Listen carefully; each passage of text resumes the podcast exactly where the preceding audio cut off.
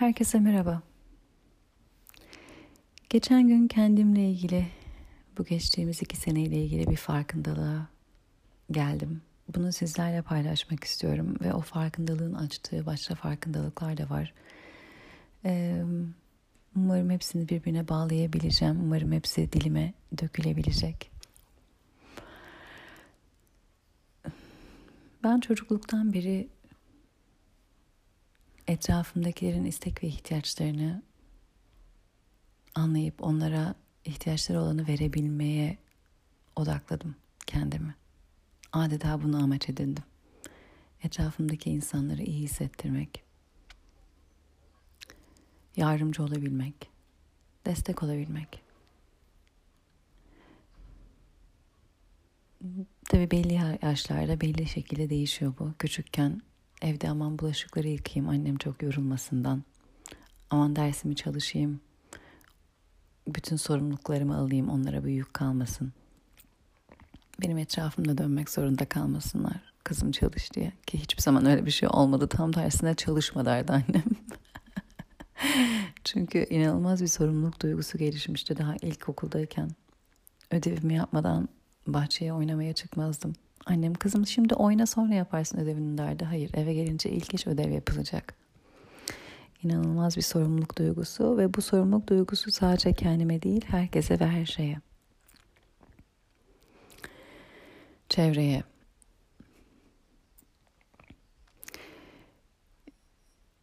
istek ve ihtiyaçları görmeye çalışmak ve orada o durumun ihtiyacını anlamaya çalışmak ve o durumun ihtiyacını giderebilmek. ihtiyaç olan desteği anlayabilmek. Enerjisel kimse söylemese bile hissedebilmek ve onu sunabilmek, verebilmek. Bu adeta benim sorumluluğummuş gibi yaşadım ömrüm boyunca. Ee, ve tabii çoğu, çoğu yerde kendi istek ve ihtiyaçlarım arka planda kaldı. Bunun birçok nedeni var. Bir taraftan bakarsak görülmekten korktum her zaman çok. Açıkçası ben de kendimi görmekten. Anlamakta çok zorlanıyordum kendimi. Daha önceki ses kayıtlarında bahsettiğim nedenlerden dolayı aslında. İki önceki ses kaydımda nereden geliyoruz ve ben neden buradayım.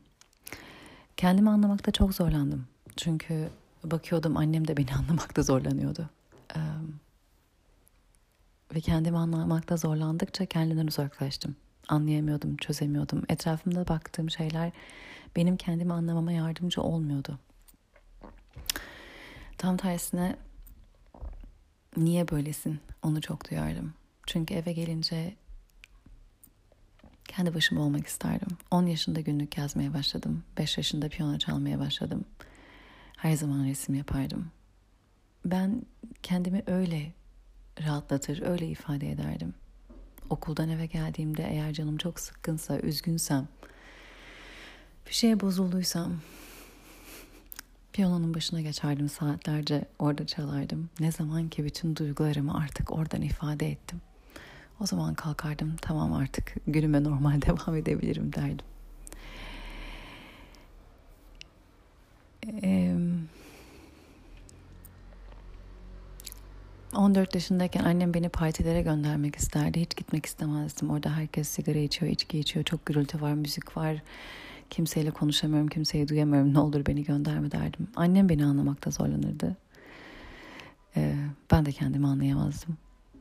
Öyle oldukça, anlayamadıkça, etrafımda rezone edemedikçe ve bana annem derdi ki kızım ne garip bir çocuksun. O da beni anlayamazdı. Niye böylesin diye. Çocuk olsana derdi bana. Ee, anlaşılan ben de kendimi de anlayamadığım için istek ve ihtiyaçlarımı da etrafımdan gideremediğimi de fark ettim. Etraftaki kavga gürültü bana çok geliyordu, ağır geliyordu. Belki başkaları için normal geliyordu. Hayatın bir parçası bu kavga gürültü bu öfke, bu kızgınlık, bu asabiyet diyorlardı belki ama bana çok ağır geliyordu. Anlayamıyordum. Birbirini seven insanların birbirlerine yapabildiği şeylere şahit olmak beni korkutuyordu. Ee, etrafımda o kadar fazla daha insanın ihtiyaçları olduğunu görüyordum ki kendime adeta sıra gelmiyordu. Ayrıca insan korktuğu yerde kendi ihtiyaçlarını dile getirmeye de güvende hissetmiyor. Görülmemek daha kolay geliyor. Görülmezsem tehlike altında olmam diye düşünüyor. Ve görülmemenin en kolay yollarından bir tanesi başkalarına odaklanmak. Çünkü zaten herkes kendine odaklanıyor çoğu zaman. Siz de onlara odaklandığınızda kimse sizi görmüyor. Bir başkasına odaklanmak, her şeyi onlarla ilgili yapmak, onların tüm istek ve ihtiyaçlarıyla ilgilenmek ve odağı onlar yapmak aslında saklanmanın en kolay yollarından biri. Çünkü herkes bayılıyor buna. Onları odağınız yaptığınız zaman, onların istek ve ihtiyaçlarıyla hep ilgilendiğiniz zaman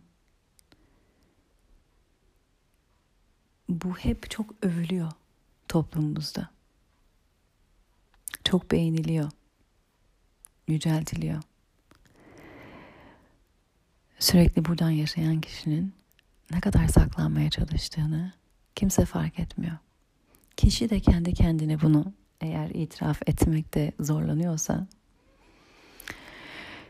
o da saklandığını bilmiyor. O da kendini buradan var ediyor tanımını buradan koyuyor. Kendini buradan yüceltiyor. Ben o insan için o kadar şey yapıyorum. Herkes için her saçımı süpürge ediyorum. Kimse beni görmüyor. Kimse beni takdir etmiyor.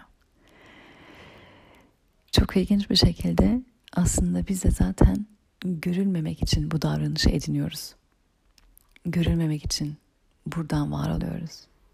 Ama bir noktada hepimizin görülmeye ihtiyacımız oluyor takdir edilmeye, bizim de istek ve ihtiyaçlarımız olabileceğinin idrak edilmesini istiyoruz. Ama o kadar uzun zamandır başkalarına odağımız yapmışız ki kendimizi görülmez kalmışız ilişkilerin içinde.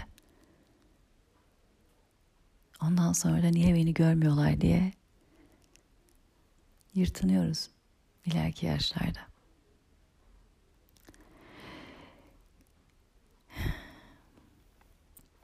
Ben de aynen böyleydim işte. Hem zaten başkalarının istek ve ihtiyaçlarını hissedebilme yetim çoktu. Hem zaten içsel bir bilgi burada yüksek frekansları dünyaya indirmeye geldin. Buraya entegre etmeye geldin diye insanlara o yüksek frekansı sunabilmek adına burada olma bilgisi içeride bir yerde var. Agresyon, öfke, korku şaşırtıyor, korkutuyor. Saklanma ihtiyacı uyandırıyor. Kendimi anlayamıyorum. Kendi ihtiyaçlarımı göremiyorum. Bunların hepsi birleşince tam bir e, muhteşem tarif oldu. Ben hep başkaları için orada olmaya odaklandım. Kendimi anlamak için ilk başta psikoloji okudum. Kendime yardım etmek için yogaya başladım. Yogaya başladıktan sonra içsel çok şeyi fark etmeye başladım. Bunlarla nasıl baş edeceğimi bilmediğim için onlarla baş edebilmeyi becerebilmek adına koçluk eğitimi aldım. Yine kendimle ilgili. Ve ondan sonra yaptığım her ne varsa bana o kadar iyi geldiği için yine başkalarına iyi gelsin istedim destek olsun istedim, yardımcı olsun istedim. Yapmayı çok iyi bildiğim bir şeydi zaten. Bunu kendime iş hayatımda da rol edindim. Zaten işimle kendimi ayırt etmem çok zor benim. İş diyemiyorum ben ona. Misyon. Olduğum insan. Ancak ve ancak her ne kadar derslerde insanların önünde göz önünde olsam bile bana sorarsanız ben hala odağı onlar yaparak saklanıyordum.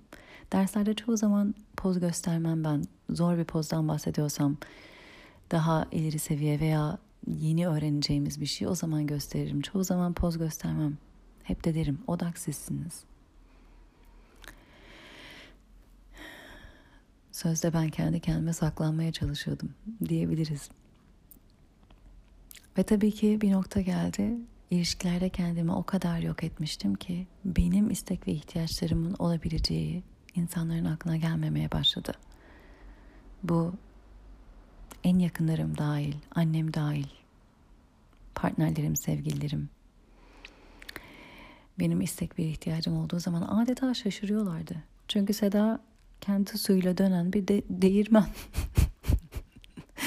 Her şeyi kendi içinde halleder. Öyle diyorlar, öyle düşünüyorlar çünkü ben öyle göstermişim. Ama aslında gittikçe o istek ve ihtiyaçlarım büyüdü. Yıllar içinde. Aç ve susuz kaldılar. Ve bir nokta geldi artık dedim ki yeter. Ne olur yeter. Biraz da beni görün. Biraz da beni anlayın. Biraz da beni fark edin. Ah. Ama onlar nereden bilsin? Ben görülmez kılmıştım kendimi. Ve bir nokta geldi dedim ki yok ben artık böyle yapamayacağım. Herkes için her şey olmaktan çok yoruldum. Kimse için hiçbir şey olmak istemiyorum dedim. Ve bunu diyerek Londra'ya taşındım. Baktım ki ben bunu mesafe koymadan yapamayacağım. Eğer sevdiklerim yanımdaysa bu yatkınlığımı dönüştüremeyeceğimi fark ettim. Belki başkalarınız aynı yerde de dönüştürebiliyor. Benim için ya fiziksel mesafe koymak gerekirdi ya duygusal mesafe. Duygusal mesafe koyamayacağımı fark ettim. Zaten hayatımda da büyük değişimler oluyordu. Londra'ya çağrıldığımı içsel bilgi olarak almıştım. İsmimi duyuyordum yani Londra'ya çağrıldığıma dair. Onun vakti gelmişti. Hepsi birden zaten bunların hepsi birbiriyle hizalı oluyor. Hiçbir bir nedenden değil. Yolumuz belli ve o yola giden e, bir sürü neden bir araya geliyor ve her şey olması gerektiği gibi oluyor zaten iç sesimizi dinlediğimizde. Bende de öyle oldu. Ve dedim bu farkındalıkla Londra'ya gidersem benim için de daha hayırlı olacak. Bunu halledebilirim. Buraya geldikten sonra Türkiye'de kalan öğrencilerimden çok online ders versene, online'dan devam etsene diyenler oldu. İstemedim. Derslerimde de bunu yapıyordum. Herkesi benim için öncelik yapıyordum. Onların istek ve ihtiyaçlarını. Bundan besleniyordum. Bu bana da iyi geliyordu. Bu bana da şifalı geliyordu yeri geldiğinde. Ama dengemi bozmuştum. Dengem kaybolmuştu. Bana şifalı gelen bir şey insanlar için onlara kendilerine nasıl yardımcı olabileceklerini göstermek beni de yükseltiyordu, besliyordu. Ancak her şey dengede güzel. Ve benimkisi artık dengeden çıkmıştı. Ailemle de, yakınlarımla da. Bu vericiliğin dengesi çoktan çıkmıştı. Başkalarından alamadığım gibi kendime bile veremez olmuştum. O kadar tükenmiştim. Ve görülmüyorum diye isyan ederken kendimi göstermeyenin ben olduğunu da fark etmiştim. Ve şimdi ilk başta kendime kendimi göstermem gerekiyordu. İstek ve ihtiyaçlarımı. Kendime o alanı, o yeri vermem gerekiyordu. Ve Londra'ya geldiğimde bunu yapmaya başladım. Çok da memnundum. Kendime o yeri ve alanı veriyordum zaten burada tek başıma yaşıyordum. Oh, bol alan, bol yer. Etrafımda biri olduğu zaman anında ona odaklanan biri olduğum için kendimi bir başkasının yanında unutmak kolaydı. Kendi başıma olmak bana kendimi en hatırlatan yer oluyordu. Öğrencilerim online ders ver dediler. Hayır hayır demiştim ama 2020 geldi ve hepimizin hayatı olabiliyorsa ki benim yaptığım şey olabiliyordu. Online'a taşındı.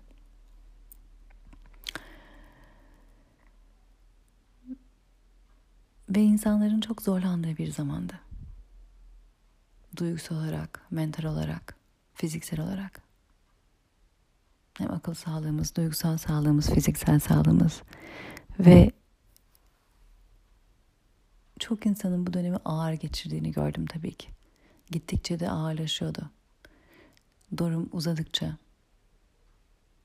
durumla ilgili bilgiler arttıkça insanların endişeleri, korkuları daha da fazla artıyordu. Bu annem babam dahil.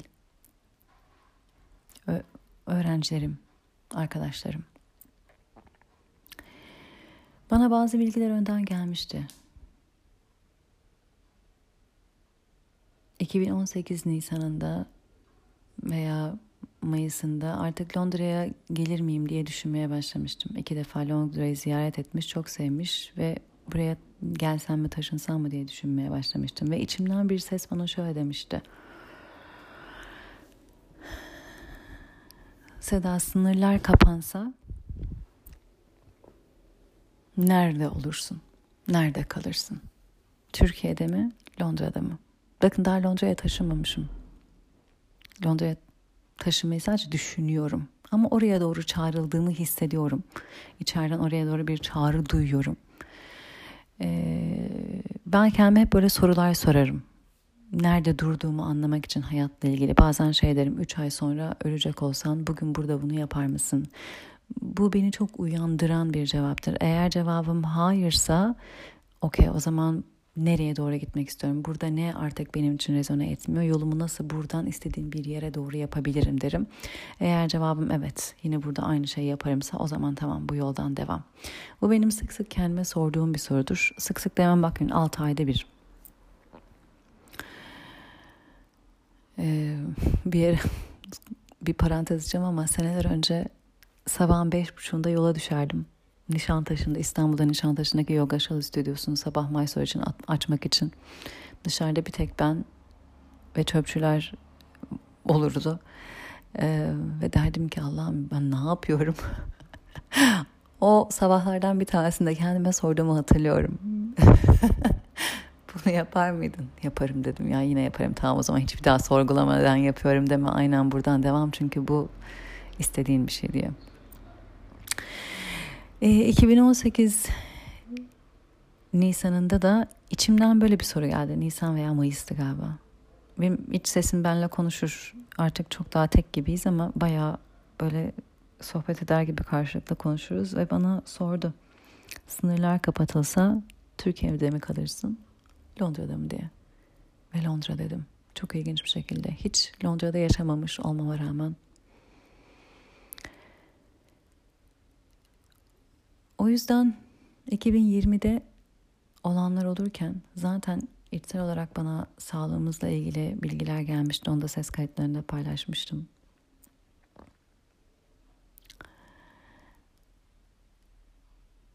O durumda ne yapacağımın bilgisi bana 2018'de verildiği için e, hakikaten bu gerçekleştiğinde benim kararım belliydi. Ve çok ilginç. Sınırlar kapatılması nasıl nasıl öyle bir soru? O benim aklımdan geçen bir şey değildi. Zihnimin bildiği bir bilgi değildi. Gerçekten gelecekten gelen bir bilgiydi. Gelecek, şimdi ve geçmiş aynı anda yaşanıyor zaten. Bazen bir parçamız adeta bize gelecekten bir pencere açıyor, gösteriyor. Daha o gün gelmeden o günle ilgili kararı içimizde veriyoruz, hizalı olanı biliyoruz. O gün geldiğinde o süreci kararlı, net bir şekilde geçirebilmemizi sağlıyor. Benim için de öyleydi ve dünyada gördüğüm şeyin çok büyük bir korku ve sevgi ayrımı olduğunu da görüyordum herkesin derininde, en tabanında en çok neyi taşıyorsa onun titreştiğini.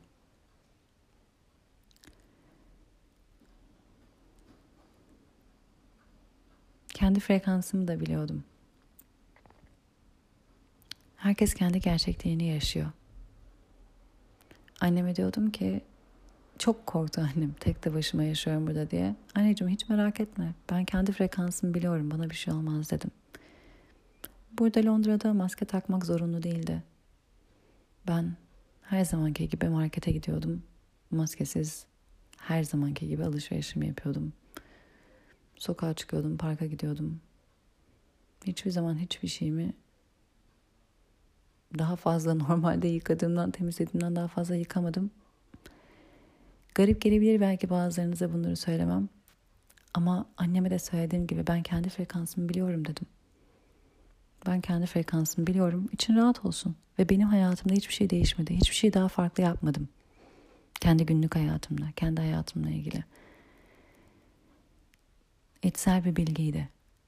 Ama benim gerçekliğimi herkesin paylaşmadığını biliyorum. O dönemde de gördüm. Ve annemin annem çok büyük depresyona girdi. Çok zorlandı o dönem. Belki sizlerde de öyle bir şey oldu. Belki yakınlarınızda. Annemi rahatlatan, içini rahatlatan, destek olan kişi olmaya çalıştım. Sadece o da değil, online üzerinden dersler yapmaya başladım ve yoga dersi diye başladığımız şu ders e, yarısı sadece konuşmakla geçiyordu. Artı bir grup terapi seansı gibi oluyordu. Herkesin çok kaygısı, çok düşüncesi, endişesi, korkusu vardı. Ve orada alan tutmanın ne kadar kıymetli olduğunu tekrar gördüm.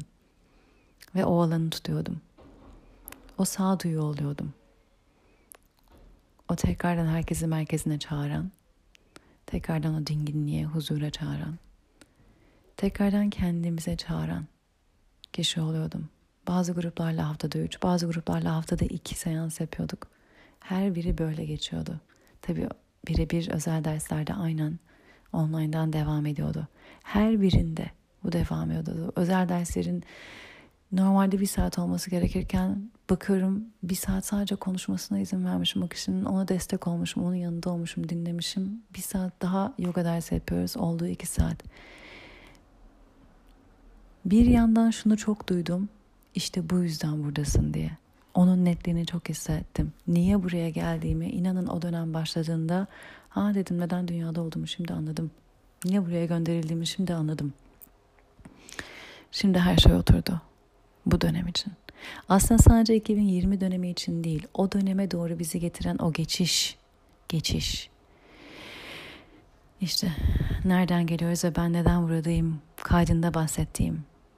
Dünyanın daha yüksek frekansa geçmesi için kainattaki yüksek frekansları aslında buraya, dünyaya indiren aracılardan biriyim. Benim gibi çok var. Belki sizler de bunlardan bir tanesiniz. Bu geçişi biz bu sevgi frekansını, biz bu yüksek frekansı taşıyarak entegre ediyoruz. Dünyaya indiriyoruz ve dünyanın bu geçişinde yardımcı oluyoruz, asist ediyoruz. Ve biz buradan var oldukça aslında bizim dokunduğumuz herkes de yavaş yavaş buraya doğru uyumlanıyor. Bir arkadaşım bana geçen gün dedi. Hiç bu konuşmaları bilmiyor. Kendisi İngiliz, burada yaşıyor. Buraya taşındığım zaman tanıştım kendisiyle. Ee, bir, birkaç ayda bir telefonda konuşuyoruz. Dedi ki Seda dedi ne zaman meditasyona otursam seninle ilgili şöyle bir imaj geliyor gözümün önüne. Tuning fork. Hani böyle uyumlanma çatalları vardır. E, ses frekansı titreşimi. Değişik titreşimlerde oluyorlar. Değişik frekanslarda oluyorlar. Ee, belki biliyorsunuzdur tuning fork diye geçiyor uyumlama çatalları. Gözümün önüne o geliyor. Sen osun ve ben de senin ne zaman yanında olsam sanki yüksek frekanslara uyumlanıyormuşum gibi hissediyorum dedi. Uzun zamandır görüşmedik. iki sene oldu. Ee, hatta geçen gün şey dedi. Seda dedi bir şey yaşadım. Seni düşündüm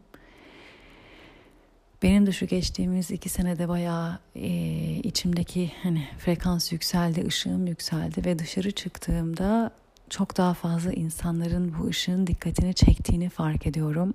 Ve seninle sokakta yürüdüğüm zamanlar aklıma geldi. Seninle ne zaman yürüsem yani senin ışığın insanların dikkatini çekiyor. Ee, ve ne kadar yorulduğunu eve geldiğinde neden o kadar yorulduğunu şimdi daha iyi anladım dedi. Işık insanları çok çeker. O ışık zaten hepimizin geldiği yer. Hepimizin olduğu şey.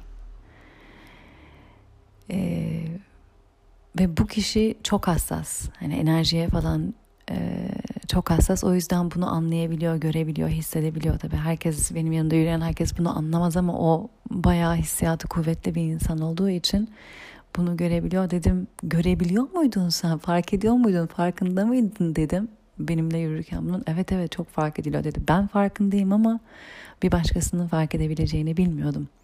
O da onun yetisi tabii bu kadar yüksek frekanstan var olurken insanların arasına çıkarken aslında adeta bir perdeyle çıkıyoruz. Bir böyle kılıf giyerek çıkıyoruz. Çünkü kendi ışığımız tam anlamıyla çıksak belki bazılarını çok çeker belki bazılarını korkutur. Ben bazen çanak seansları yaptığımda e, şunu duydum ilk yaptığım zamanlara birisi şey demişti çok parlak beyaz bir ışık gördüm ve anında çıkmak istedim seanstan bırakmak istedim dedi. Dedim ki çok parlak beyaz bir ışık görüyorsan niye bırakmak istiyorsun ki seansın ne güzel değil mi dedim. Hayır dedi bana. Ee, insan güzel olacağını düşünüyor ama herkes için aynı şeyi ifade etmiyor. Bazıları için tedirgin edici olabiliyor. Ve yüksek frekansla böyle dışarı çıkıldığında e, gerçekten çok insanın dikkatini çekecek öyle veya böyle. O yüzden bazılarımız perdeyle çıkıyoruz. Ona rağmen yine de hani bir lamba düşünün üstüne bir kumaş atın yine de lambanın ışığı içinden gözükür o kumaştan da geçer. O bile gözüküyor dikkat çekiyor tabii yorucu oluyor. Ee, ama evet bizimle aslında temasa geçen herkes de biz uyumlama çatalı gibi uyumluyoruz yüksek frekansa, sevgiye. Aynı o kayıtta bahsettiğim gibi Reiki'de Reiki inisiyasyonunu ilk aldıktan sonra ben yoga derslerinde asist verirken insanların yaşadığı o duygular, o yükseliş veya Şavasana'da insanların başına dokunurken insanların bütün ağırlığım gitti demesi. Uyumlama oluyor çünkü. Farkında olmadan ellerimizden her daim o şifa enerjisi akıyor. Eğer biz kendimizi dengelemeyi bilmezsek ki ben yıllarca bilmedim bunu. Ve derslerde de adeta ben o oluyordum. Uzaktan da olsa o alanı tutan, onlara kendi özlerini hatırlatan, kendi merkezlerini hatırlatan, dengeyi, sevgiyi, huzuru hatırlatan. Tabii ki kendimi de paylaşıyordum. Kendimden de paylaşıyordum. Ama yine de her daim orada alanı onlar için tutuyordum. O alan onlar içindi. Kendimden yaptığım tüm paylaşımlarım da onlara yardım edebilecek şekilde örneklere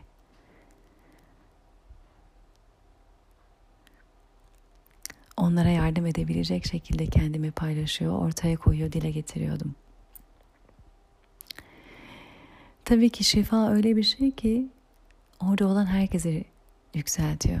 O yüzden tabii ki bana da iyi geliyordu ama çok da yoruluyordum. Benden çok da şey oluyordu. Ve dediğim gibi bu sadece öğrenciler değil, ailem, arkadaşlarım, tüm telefon konuşmalarında yapılanlar.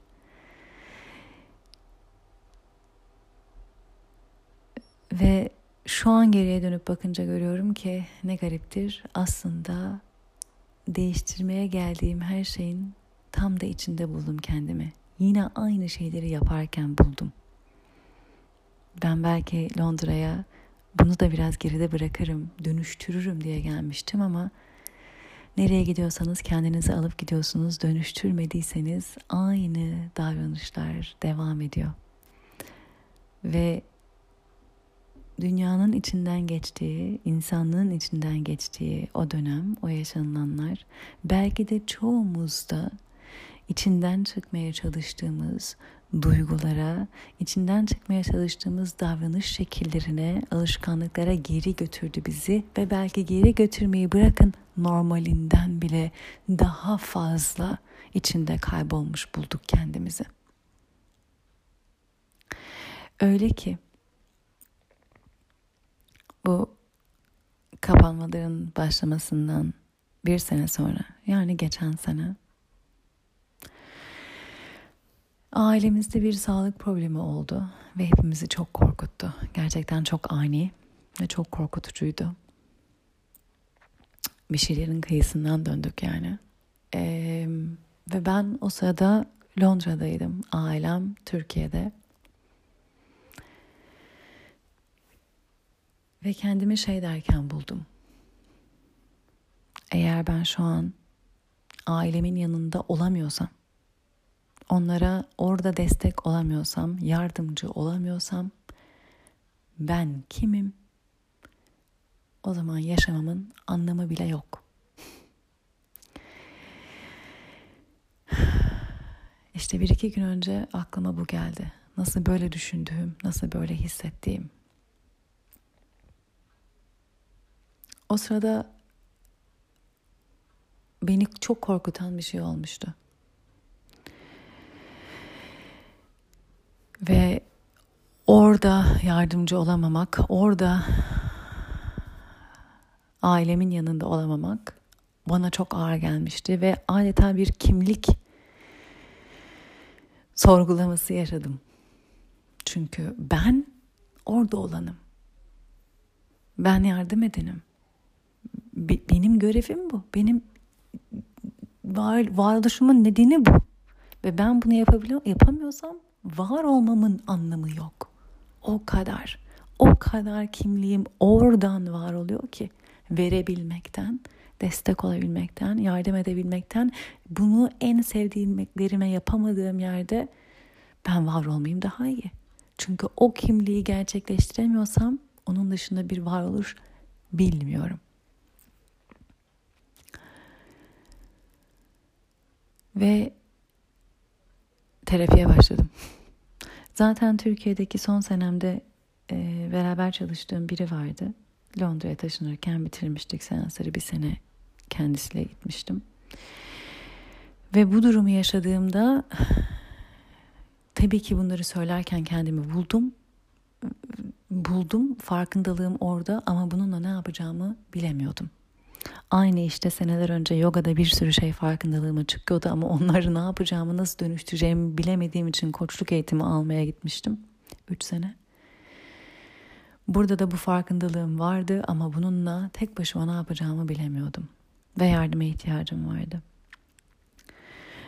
Ve öyle ki şunu fark ettim. Şimdi geriye dönüp bakınca görüyorum. Ben başkalarına bir alan tutuyordum. Fakat bana alan tutan yoktu. Kimseye de izin vermiyordum. Hani istekli olan yoktu demiyorum. Ben de izin vermiyordum. Çünkü ben alan olmamalıyım kimseden. Öyle kodlamışım. Ben yardım eden olmalıyım. Yük olan olmamalıyım. Çünkü nedir? Benim istek ve ihtiyaçlarım kimseye yük olmamalı. Bunun üzerinde çalışıyordum. Artık bunu biliyordum. Dönüştürdüğümü zannediyordum. Ne kadar dönüştüremediğimi o geçen seneki olay gösterdi bana. Ailemin yaşadığı bu şeyi bir iki kişi dışında kimseye anlatamadım bile. İnanın anlatamadım. Ağır geldi.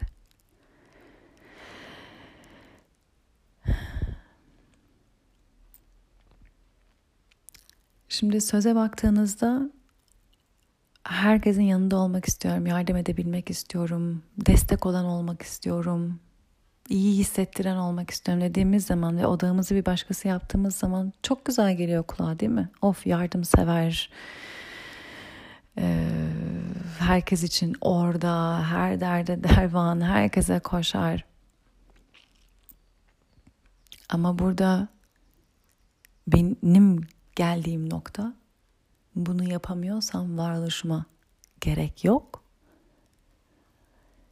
Çok büyük bir değersizlik duygusunu taşıyor aslında. O kadar ki ben sevdiklerimin yanında zor zamanlarında olamıyorsam hiç olmayayım daha iyi ya kadar gidebiliyor. Aslında bunun altında yatan çok büyük bir ben önemsizim. Ben bir başkasına yardım edemiyorsam bir başkasına bir şey katamıyorsam o zaman ben değersizim hissi ve çok ağır.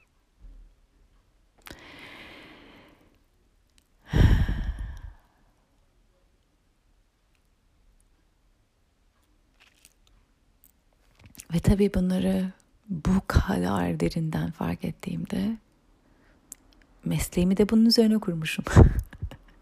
Onu fark ediyorum. Çünkü çok iyi yapabildiğim bir şey. Çok iyi olabildiğim bir şey. Ama tek buradan var olmak çok dengesiz bir şey. Verebilmek ama alamamak. Yeri geldiğinde kendime dahi verebilmek zor. Onu yapabilmek için. İlk başta kendime verebilmek için gelmiştim Londra'ya ama durumlar öyle bir yere getirdi ki kaçamadım kendimden. Hatta hatta en korkutucu şekilleriyle gösterdi evren bana kendimi yine. Korktuğundan kaçamazsın. Onunla da ilgili konuşacağım biraz sonra. Ve bu benim için çok yoğun çalışmalı bir sene oldu. Tabii ki çok çok çok konu var burada ama geçen gün işte bunu fark ettim ve bu değersizlik duygusundan nasıl çıkıyor olduğumu gördüm.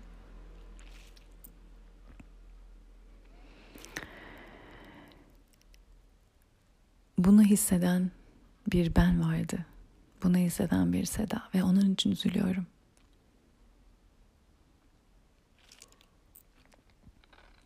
Bir insanın eğer bir başkası için yardımcı olamıyorsam var olmayayım daha iyi diye hissedebileceği kadar kendini önemsiz ve değersiz hissetmesi çok ağır bir yer. Böyle yaşamış olduğum için kendime üzülüyorum. Kimseye bir şey sunamadığım bir yerde bile benim kendi varlığımın değerli olabildiğini hissetmek. Benim geçiş yaptığım yer orası.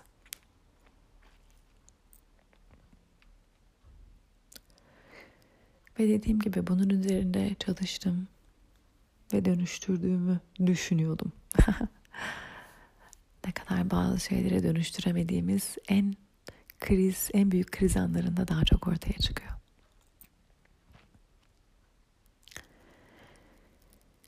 Ve geçtiğimiz iki sene kriz anı iki sene sürdü. Bayağı uzun zaman değil mi? Ve sizlerin de kimliklerinizde kendimizi tanımladığımız yerlerde büyük krizler yaşanmış olabilir. Bunların hiçbiri ceza değil, cezalandırmak için değil. Bunların her biri tamam üzerinde çalıştığın bir şeyleri dönüştürdün ancak en köküne daha inmedin. Daha bunun derinliği var demek için.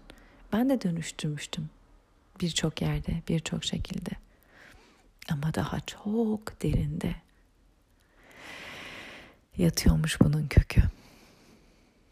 En can alıcı yerlerden vurdu beni.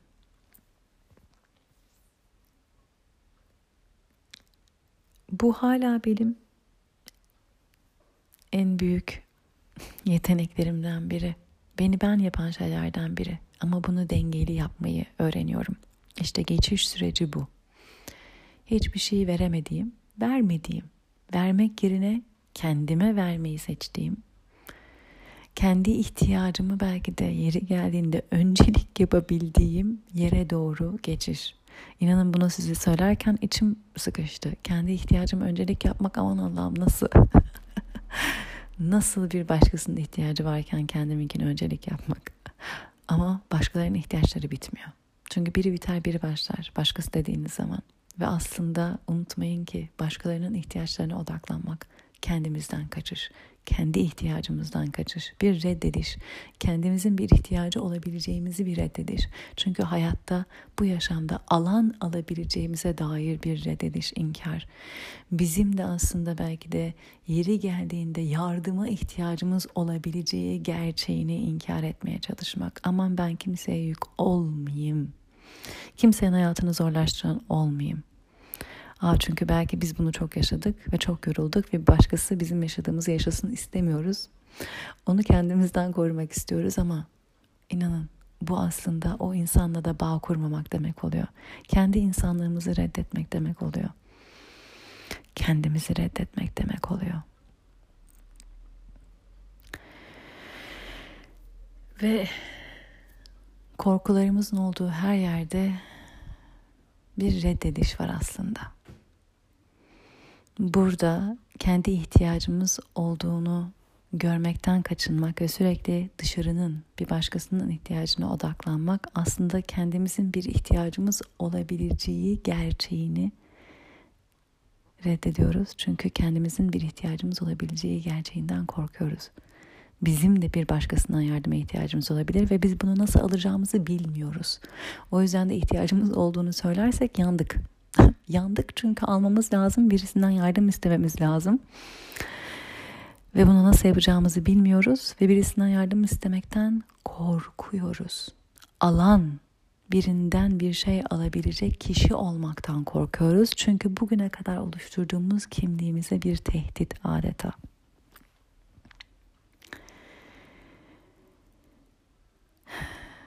Halbuki her şey insan için ve biz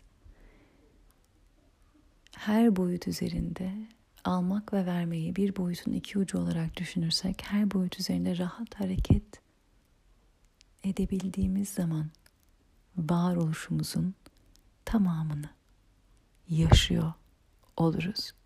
Aa yine bir yerden daha fazla var olmayı seçebiliriz istediğimizde.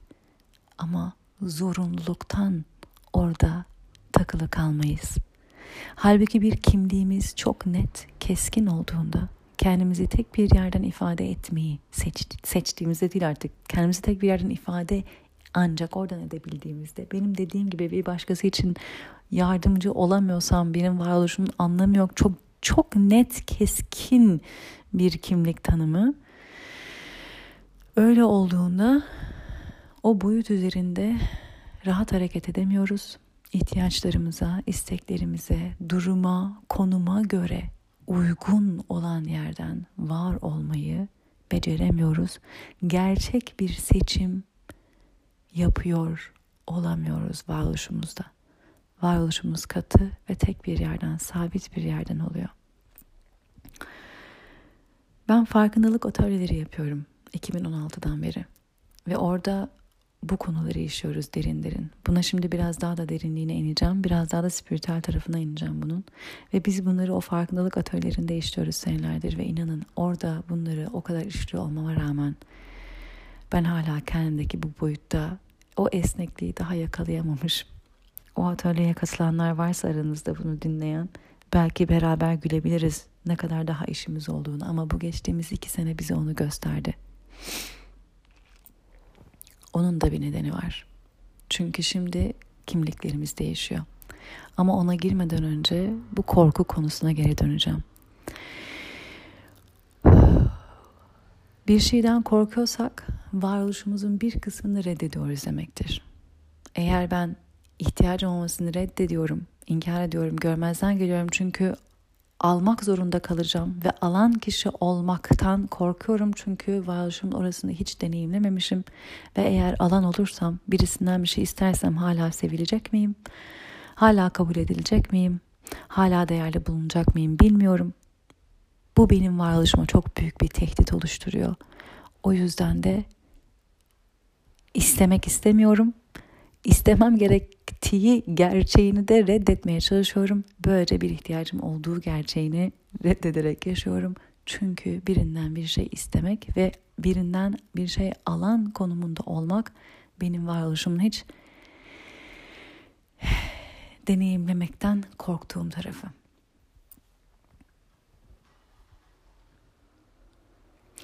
Şimdi şöyle bir şey var. Enkarnasyon olduğunu düşünürsek ve belki de bazılarımızın buraya defalarca geldiğini düşünürsek her hayatta verici olduğumuzu sanarsak çok komik bir şey olur. Biz buraya insan olmanın her halini deneyimlemeye geldik. Her halini. Her şeklini. Varoluşun, insanlığı bırakın varoluşun her halini ve her şeklini. Yeri geldiğinde hava olarak, yeri geldiğinde taş olarak, yeri geldiğinde yaprak, yeri geldiğinde ağaç, yeri geldiğinde bir hayvan, bir insan. Varoluşun her halini deneyimlemeye geldik. Her buraya gelmeden önce, dünya üzerinde varmadan önce seçiyoruz hangisi olacağımız. Bu sefer de böyle geleyim diyoruz. Aynı bir avatar seçer gibi aslında. Seçiyoruz. Bu sefer kadın olayım. Bu sefer şu ırktan geleyim. Bu sefer bu dinden geleyim.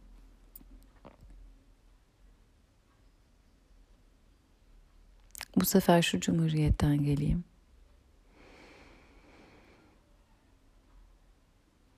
Bu sefer şu um, cinsel oryantasyondan gireyim.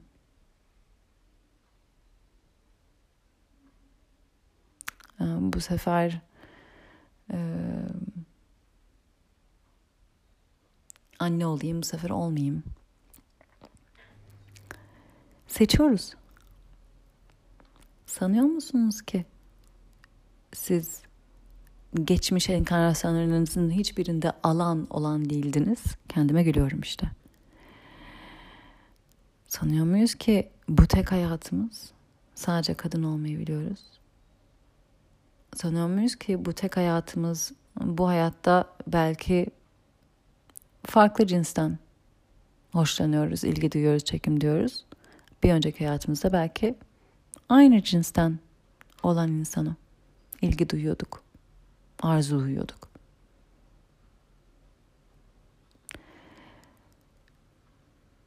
Belki bu hayatında fakirsin, bir önceki hayatında çok zengindin. Ben bu hayatımda veganım. Belki önceki hayatlarımda hiç değildim.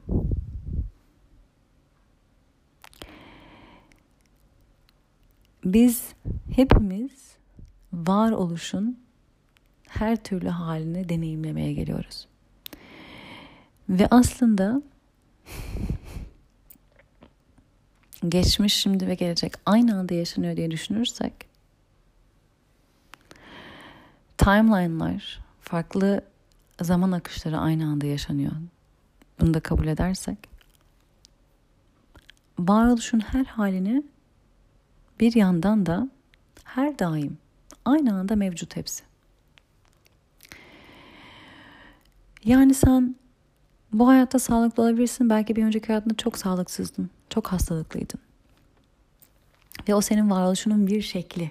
O senin varoluşunun bir hali. Ve şöyle bir şey var. Hepimiz Rabbin bir tezahürüyüz. O yüzden yani Rab diyorum. isterseniz evren deyin. isterseniz kainat deyin. isterseniz İlahi deyin, isterseniz kaynak deyin. Ha, ne derseniz deyin ismini. O kadar önemli değil bence.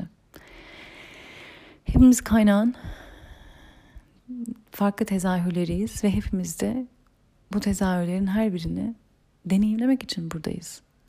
O yüzden bunların hiçbiri iyi veya kötü değil. Sadece farklı. Farklı renkler, farklı tatlar, farklı kokular.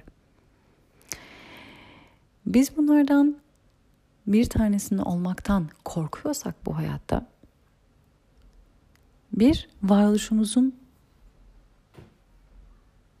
bir şeklini reddetmiş oluyoruz. Çünkü bir hayatımızda biz oyduk. Belki hastalıklıydık, belki fakirdik, belki zengindik, belki eşcinseldik. Belki bu hayatta kadındın bir önceki hayatında erkektin. Erkekleri mi sevmiyorsun? Laf mı ediyorsun? Erkekleri hakkında kötü mü konuşuyorsun? Veya erkeksin kadınlar hakkında mı kötü konuşuyorsun? Veya translar hakkında mı kötü konuşuyorsun? yargılıyorsun veya korkuyorsun.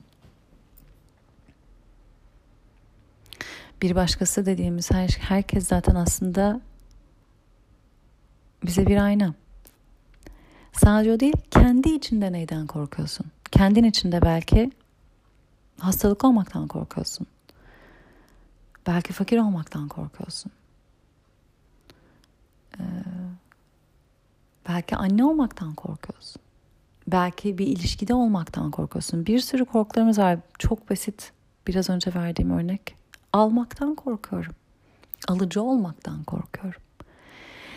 Neyden korkuyorsak aslında kendi varoluşumuzun bir kısmını reddediyor oluyoruz. Çünkü biz bir hayatımızda oyduk. Yani şu an bizim bir varoluşumuz bizim en çok korktuğumuz şeyi belki de oluyor ve yaşıyor. Ve aslında biz tamamımızı bütün varoluşlarımızla temas kurduğumuzda bütünlüğümüzü hissediyoruz. O bütünlük her anda mevcut. Ama biz bir şeyden korktuğumuzda onu reddediyor oluyoruz ve reddettiğimiz şey kendimiziz. Bunu görebiliyor musunuz? Varoluşumuzun bir halini reddediyor oluyoruz. Kendi varoluşumuzun kendi tezahürümüzün. 361 yuvarlak düşünün. O yuvarlağın parça parça parçalarını reddediyoruz. Fakir olmaktan korkuyor, hastalıklı olmaktan korkuyor, bilmem neden korkuyor. O reddediyor, reddediyor kendini. Almaktan korkuyor, tembel olmaktan korkuyor. Ee, bir sürü bir sürü bir sürü, bir sürü korkularımız var. Kendimizin ne kadar bir hayatta tembellik, bir hayatta zayıftık bir hayatta oyduk buyduk şuyduk. Ve tüm benliklerimizle bir bağ içinde olup bütünlüğümüzü yaşayabilmek için aslında bunların hepsini olabildiğimizi hatta olduğumuzu kabul ettiğimizde aslında bütünlüğümüzün tamamını hissediyor olacağız. Ve ondan sonra ancak ondan sonra seçimle bir yerden oluyor olacağız. Yani ben erkek de olabilirdim. Bir önceki hayatlarımda belki erkektim. Erkek varoluşuna karşı hiçbir şeyim yok, bir yargı yok. Bu hayatta kadın olmayı seçerek buraya gelmişim. Zaten ayrışma oradan başlıyor. Buraya dünyaya gelirken ruhun bir cinsiyeti yok ki. Gelirken karar veriyorsun neyle geleceğine. Bu sefer de kadın olayım diyorsun ve ilk zaten tamdan bütünden ayrılman senin bu cinsiyetinle geliyor.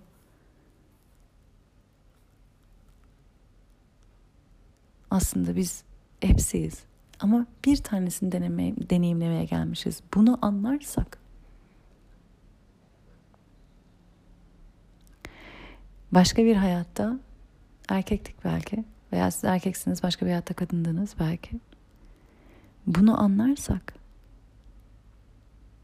o zaman işte o zaman gerçekten seçimden yaşamaya geliyor oluyoruz. Gerçekten seçimden yaşıyor oluyoruz. Bu nedir? Korktuğumuz her şeyle temas etmemiz lazım. Kendimizle gerçek anlamda doygun, bütün hissettiğimiz bir bağ kurabilmek için. Böylece kendimizin var olan tüm halleri, tüm şekilleriyle bağ kurabilmiş oluyoruz. Aksi takdirde kendi varoluşumuzun belli şekillerini reddetmiş oluyoruz. Asıl reddettiğimiz kendimiziz bu korkularla. Bunların kabulünün olduğu yerde. Ben kadın da olabilirdim, erkek de olabilirdim. Kabul ediyorum. Bu hayatta kadın bedeniyle gelmişim. Yine de nereden yaşamak istediğimi seçebilirim. Ben kadın olarak devam etmeyi seçiyorum. Ama bir insan ben kadın bedeninde gelmişim ama ben devam etmek istemiyorum kadın bedeninde. Erkek olabilme şansım var çünkü hepimiz aslında hepsiyiz, her şeyiz ve ben Erkek olarak hayatıma devam etmek istiyorum diyebilir belki de. Belki de bu insan kendine bu genişliği, bu alanı sağlayabilen bir insan.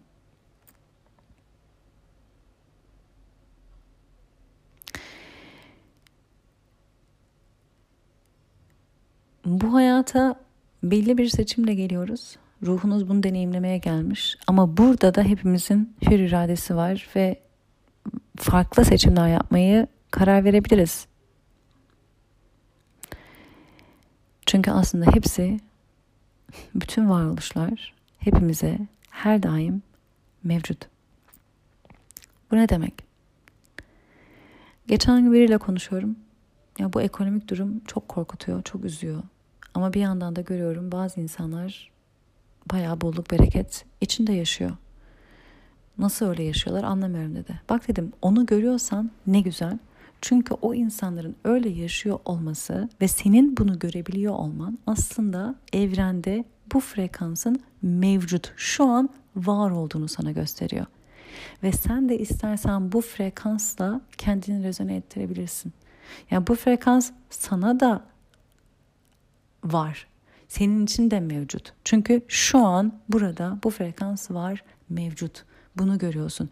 Bir taraftan çünkü belki de olan birçok olaydan dolayı inanılmaz bir kriz ve korku duygusu yaşıyorsun ve gerçeklik sadece oymuş ve herkes sadece oradan yaşamalıymış gibi hissederken diğer taraftan aslında gayet rahat bolluk bereket içinde yaşayanları da görüyorsun.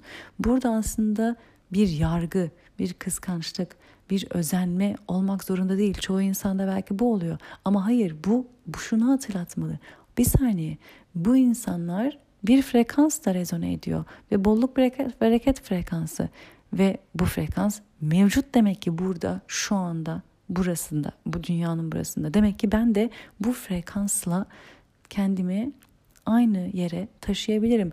Bu bana bunu gösteriyor. Yargılamam için değil, belki de hatırlamam için. Varoluşun bu şekli de var var ve ben istersen bununla rezone olabilirim. Ve zaten tüm varoluşlar o kaynağın tezahürü. Herhangi bir varoluşu, tembel olmayı, işte pis olmayı, belki düşüncesiz olmayı, alıcı olmayı reddediyorsak varoluşun bir şeklini reddediyor oluyoruz. Halbuki bunların hepsini kendi içimizde kabulünü yaşarsak o zaman işte duruma, konuma, yere göre uygun olan yerden seçim yaparak var olabiliriz. Ve varoluşumuzun tamamıyla bağ kurarak bütünlüğümüzü hissedebiliriz.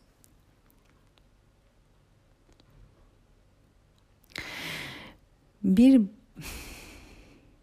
Kendimizi ne kadar iyi tanırsak, kendi katı net noktalarımızın neresi olduğunu görürsek aslında başkası dediğimiz kişiyi de daha rahat görürüz. Başka dediğimiz şeyle daha rahat tanışırız ve aslında başka dediğimiz her şey daha bizim kendi içimizde tanışmadığımız bir parçamız başkası dediğimiz, başka varoluş dediğimiz, farklı dediğimiz, diğeri dediğimiz aslında her şey kendi içimizde daha tanışmadığımız bir parçamız. Bunu fark edersek korktuğumuz yanları kendimize katabilir ve seçimden var olabiliriz. Reddettiğimiz tüm yanlarımız kabul edilmeyi ve görülmeyi bekliyor.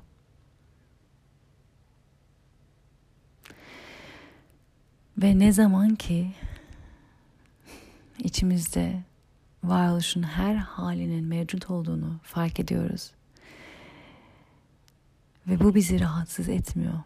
Bunun hepsini kapsadığımızı bilerek barış içerisinde var olabiliyorsak ve bu hayatta seçimle belli bir yerden var olmayı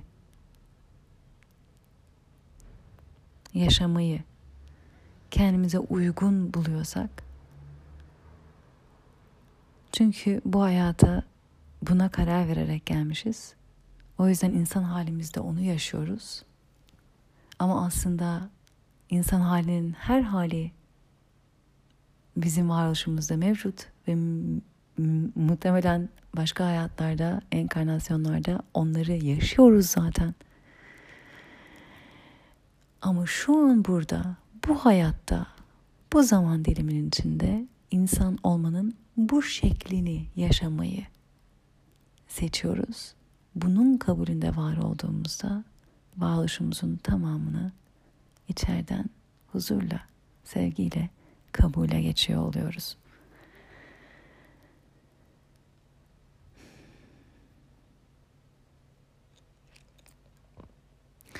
Geçtiğimiz bu iki sene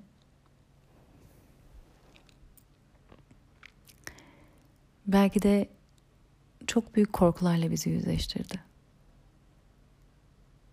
Ve bu korkular belki kendi varoluşumuzda en çok nereleri, hangi varoluş şekillerini reddettiğimizi bize gösterdi.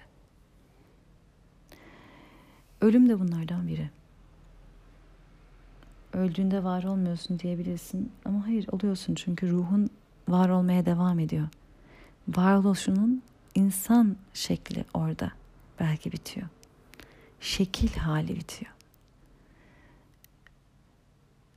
Ölüm bile varoluşun bir şekli. Kabul etmesi zor. İnsan olarak devam ettiğimiz bu hayatta o içselleştirmesi zor. Ama inanın yaşam boyutunun bir ucu doğumsa diğer ucu ölüm.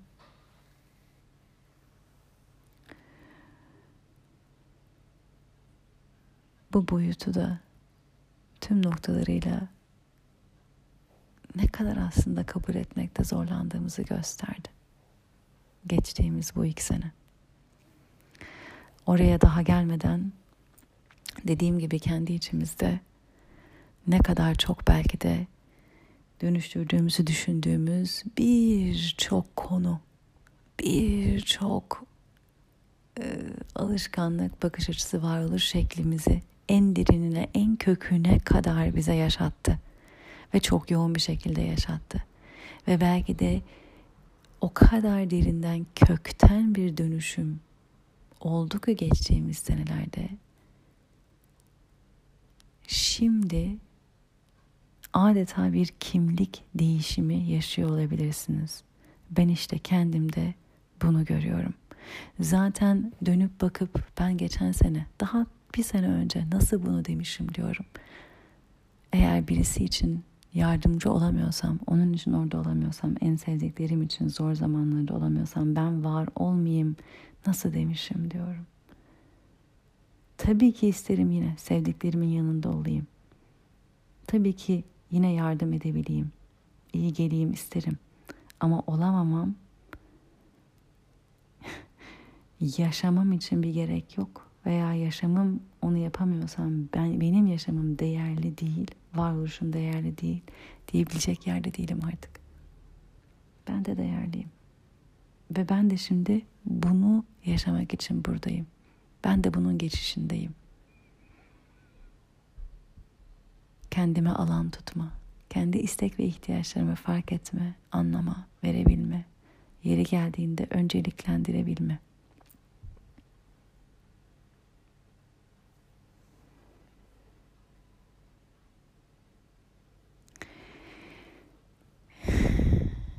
Siz de belki de şimdi bu kimlik değişimini yaşıyor olabilirsiniz.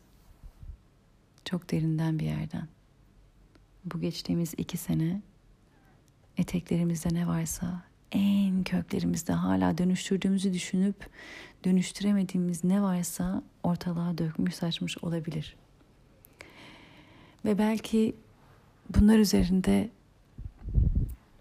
çalışmak için yardım almak iyi fikir olabilir. Dediğim gibi ben psikoloğumla çalıştım geçtiğimiz bir sene ve iyi ki de yaptım. Çünkü dediğim gibi o alanı başkaları için tutarken kendim için tutamıyordum.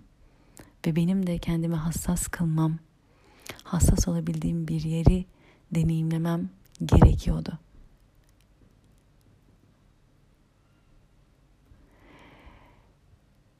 Benim için en büyük hassasiyetlerden bir tanesi bu ses kayıtları.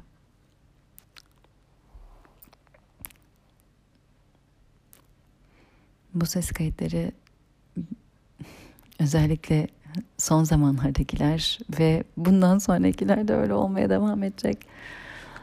Um, tüm gerçekliğimle kendimi ortaya koymayı seçtiğim yer.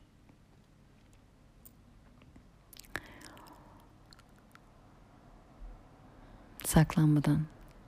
Kendi içimde kabul hala kabul edememiş. Belki küçüklüğümden beri kabul edilememiş taraflarım vardı ve benim de kendi içimde kabul edemediğim, anlayamadığım için belki de kabul edemediğim ve onların hepsini kabul ettiğim yerden veya etme yolunda olduğum yerden yapıyorum bu paylaşımları. Ve işte benim için çok hassas bir yer çünkü ben bile yeni tanışıyorum belki buralarla.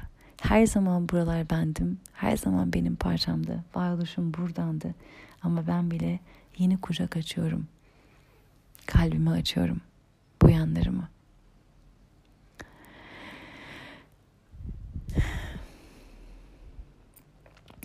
Siz de böyle bir geçiş dönemi hissediyor olabilirsiniz. Bir kimlik değişimi.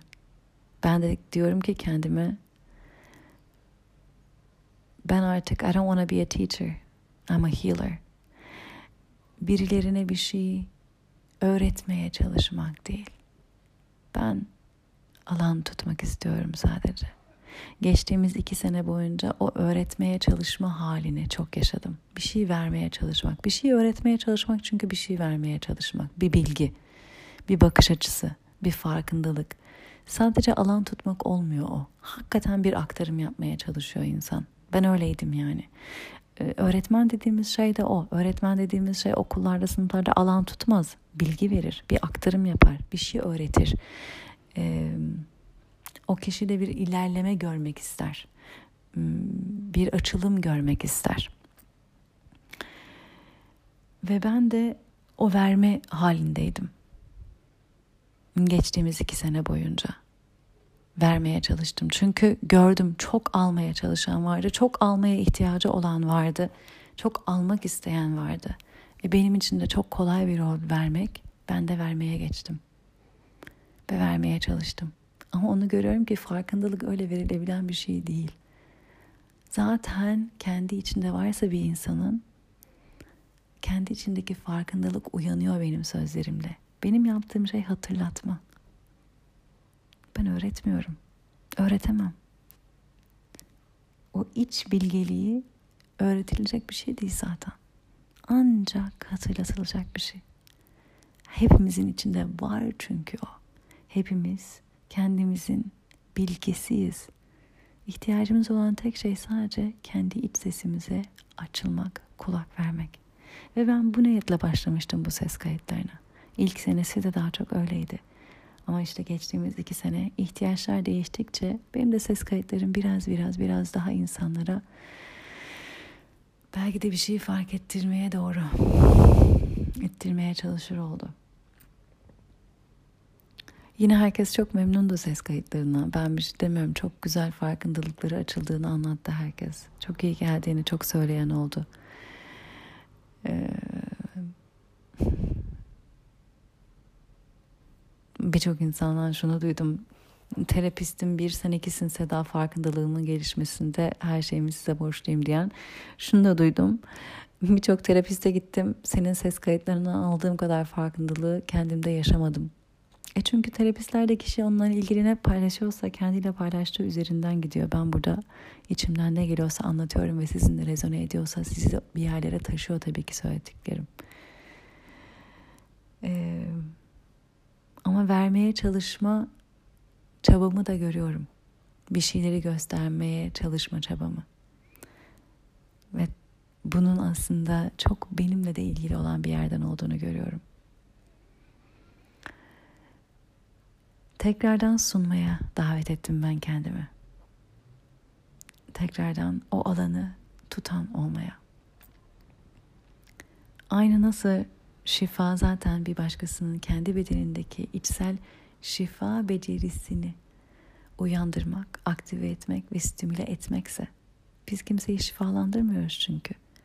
O kişinin kendi bedenindeki şifa becerisini bedene hatırlatıyoruz uyandırıyoruz, stimüle ediyoruz, şifa çalışmalarında. Aynı farkındalık çalışmaları da öyle aslında. Ben kendimi paylaştıkça belki size ışık tutar, belki size sizi hatırlatır. Tek dileğim bu. Bu geçiş döneminde kimlik geçişi döneminde bana sorarsanız bir kimlik daha bıraktık ve özümüze yakın bir kimliğe daha yaklaşıyoruz. Bu da kimlik olabilir ama çok daha belki de varoluşumuza yakın hissettiren bir yer. Özümüze yakın hissettiren bir yer. Daha hala bu sürecin içinde olabilirsiniz bu arada. Hepimiz sürecin içindeyiz. Hiçbirimiz bir şeyin sonuna varmış değiliz. Ee, ama belki geçtiğimiz senelerde e, kendinize bu alanı çok veremediniz başka nedenlerden dolayı. Belki ilgilenmeniz gereken insanlar oldu etrafınızda. Belki e, yaşadığınız yerde o alanı verebilecek durumunuz yoktu kendinize. E, belki siz belli hastalıklar yaşadınız. Onlar da sizi dönüştürmüştür eminim. Ve belki şimdi görüyorsunuz bazı şeylerin dönüştürdüğünüzü zannettiğiniz bazı şeylerin kökleri çok daha derinde ve belki de oraya eğilmek lazım. Belki de şimdi kendinize bu alanı vereceksiniz. Siz kendinize o alanı verirken belki benim ses kayıtlarımda size o alanda ikinci bir ses olur ihtiyacınız olduğunda.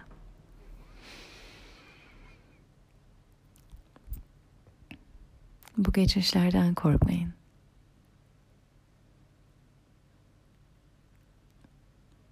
Kendinizden korkmak olur. Bu dönemin bizden istediği ise kendimize kalbimizi açmak.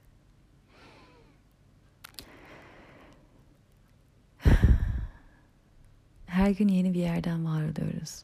İnanın sabaha bir insan olarak başlıyoruz. Akşamına farklı bir insan olarak yatağa giriyoruz adeta. Ertesi güne bambaşka bir insan olarak kalkıyoruz. Ben şey derdim. Her sabah sanki yapbozun parçalarını bir araya getiriyorum veya Lego parçalarını bir araya getiriyorum. Bir yerden var oluyorum. Akşam yatarken o Lego'yu tekrar bozup yatıyorum. Ve ertesi sabah tekrar baştan o gün nereden var oluyorsam tekrar anlamlı olan bir şekilde, uygun olan bir şekilde, o gün benimle uyumlu olan bir şekilde yeniden bir araya getiriyorum. Parçaları yeniden var oluyorum. Aslında her gün yeni bir yerden var oluyoruz. Dönüşümler hızlı, seri ve devamlı, sürekli, seri halinde. Tekrar tekrar buluşmak üzere yeni bir kayıtta, belki yeni bir yerden, yeni kimliklerle ama her zaman sevgiden, sevgiyle.